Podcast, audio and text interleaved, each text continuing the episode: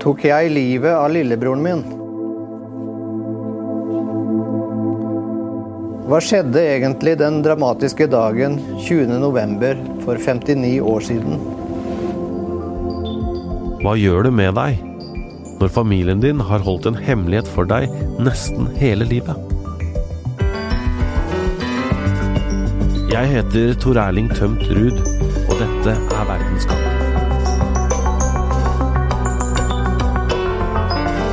Familiehemmeligheter fins i mange familier.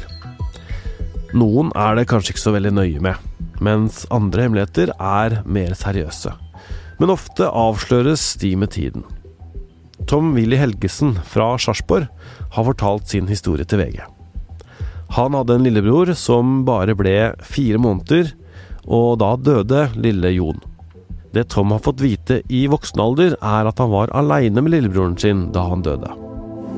Var det jeg som forårsaket at Jon, lillebroren min, døde? Hvilke spor satte det i et barnesinn? Er det derfor jeg har båret på en udefinerbar tristhet hele livet? Jeg var to år og nær fem måneder gammel og har ingen minner fra denne dagen selv. Ingen vet med sikkerhet hva som skjedde. Bare at jeg var alene med ham i rommet.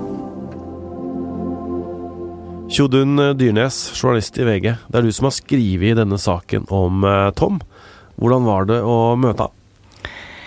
Det var eh, helt uh, spesielt. Jeg kom jo over denne saken ved en tilfeldighet. Jeg leita etter en annen Tom Helgesen, og plutselig dukka bloggen til Tom opp på maskinen min. Og der dukka jo denne helt utrolige historien opp. Hva slags mann er han? Jeg vil si Tom er en, ja, en ganske vanlig mann med familie. Han er journalist. Han er åpen og trivelig og liker å prate, spiller fotball med gutta og Ja, en trivelig kar, rett og slett. Hva er det Tom forteller?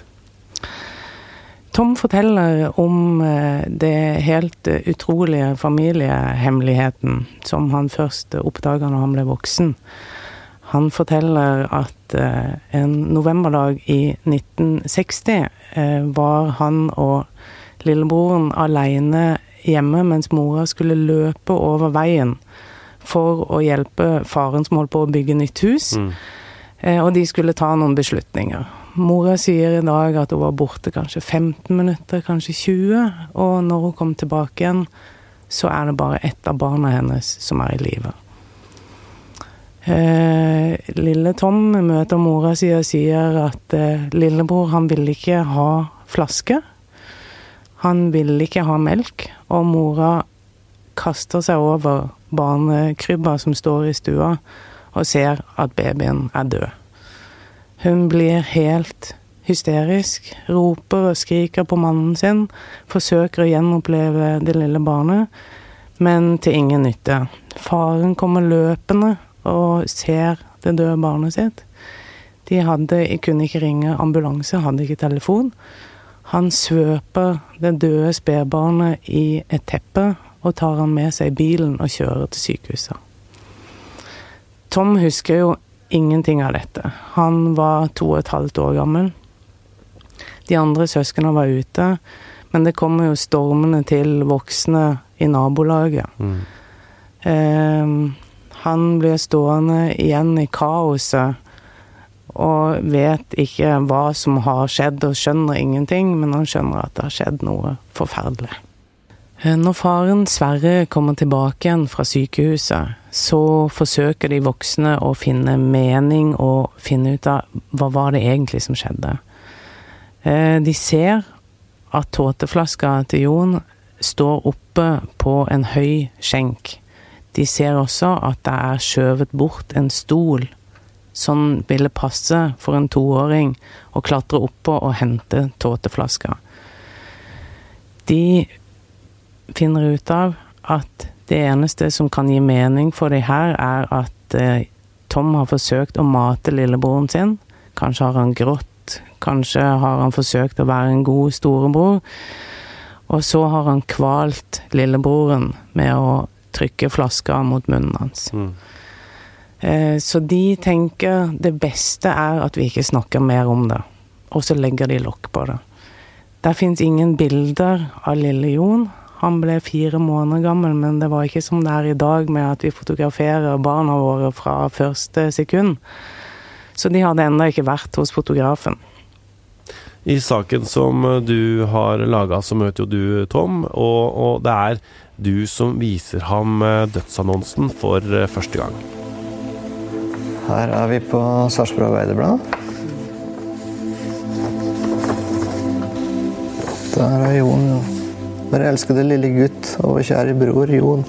Begraves fredag 25.11.1960 fra Sarpsborg kapell klokken to.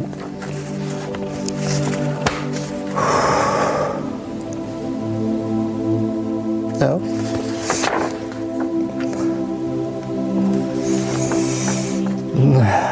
Der var han. Ja, altså første gang. Første gang jeg ser.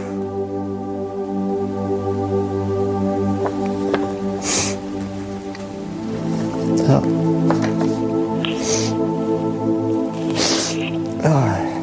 Det var veldig godt egentlig å se at han fins.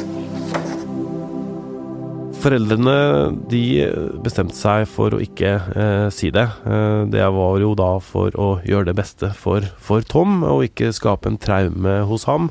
Eh, det eneste Tom visste, var at han hadde hatt en lillebror som nå var flytta til Jesus. Eh, hvordan har denne hemmeligheten prega livet hans? Tom mener jo selv at eh, han har båret på en tristhet hele livet at eh, han har hatt en eh, angst for uh, sammenstimlinger av mennesker. Han blir veldig stressa og får angst av konfrontasjoner. Han er redd for at noen skal si at det er hans skyld. Han har slitt en del opp gjennom voksenlivet sitt, sånn at når han fikk vite dette om lillebroren, så ble han jo selvfølgelig forferdelig sjokkert og ulykkelig. Men på en eller annen måte så ga det også mening. Fordi han hadde gått og kjent på disse følelsene som han da knytta sammen med den opplevelsen med lillebroren.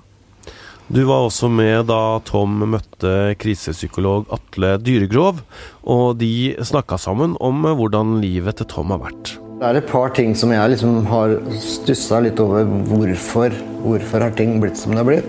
Og Det ene er at jeg bestandig, så lenge jeg kan huske, har vært nedstemt, trist, gått med en type sorg i meg som jeg aldri har fått plassert.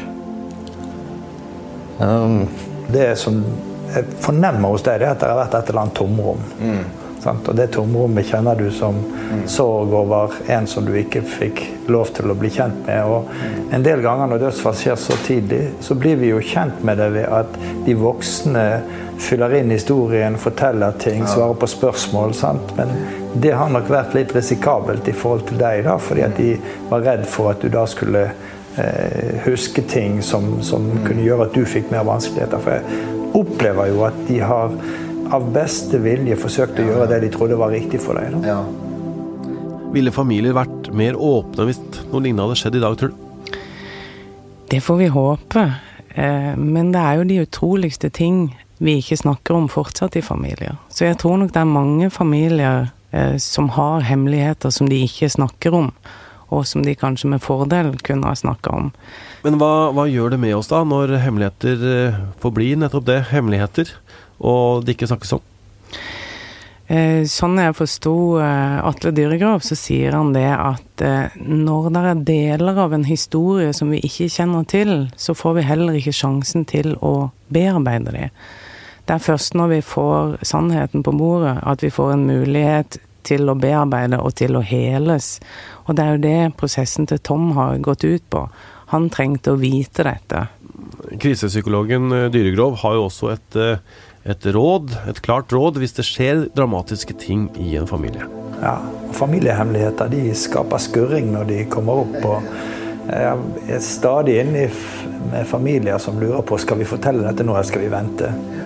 Mitt råd er alltid at de skal fortelle tidligere, slik at du ikke får tillitsgapet når det når den tid kommer. Men det er jo ikke denne typen situasjoner det typiske er der. Men det er ofte skal vi fortelle at et selvmord, eller at eh, skal vi si det var en ulykke, eller at hjertet stoppet. Sant? Og vårt råd er å, å være ærlig. Og det er klart at den gangen kunne de også sagt at dette var ingenting, som du gjorde. Hadde de hatt den informasjonen de har i dag, så ville det vært det som ble sagt.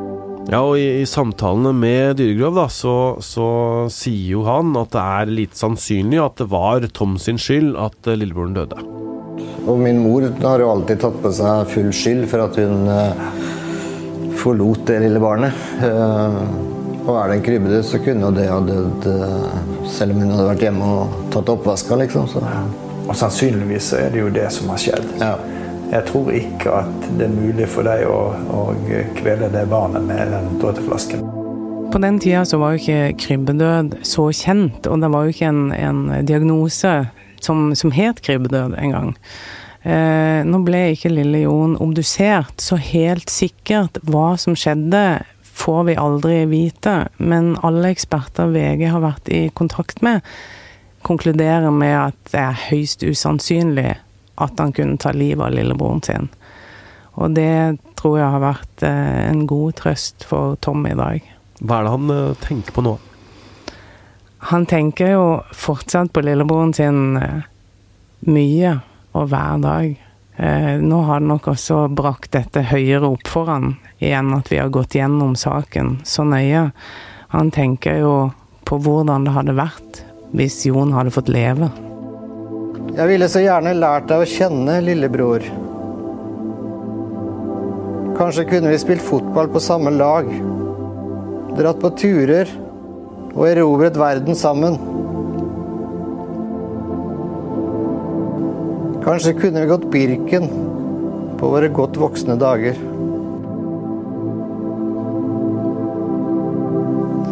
Jeg vet ikke hvem du er, men jeg savner deg.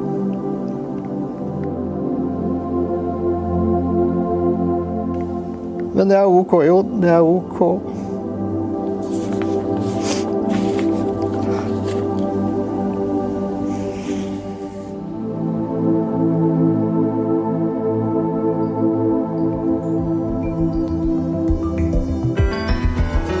Verdens gang lages av Kristine Hellesland, Roy Furuhaug, Emilie Hall Torp og meg, Tor Erling Tømt Ruud.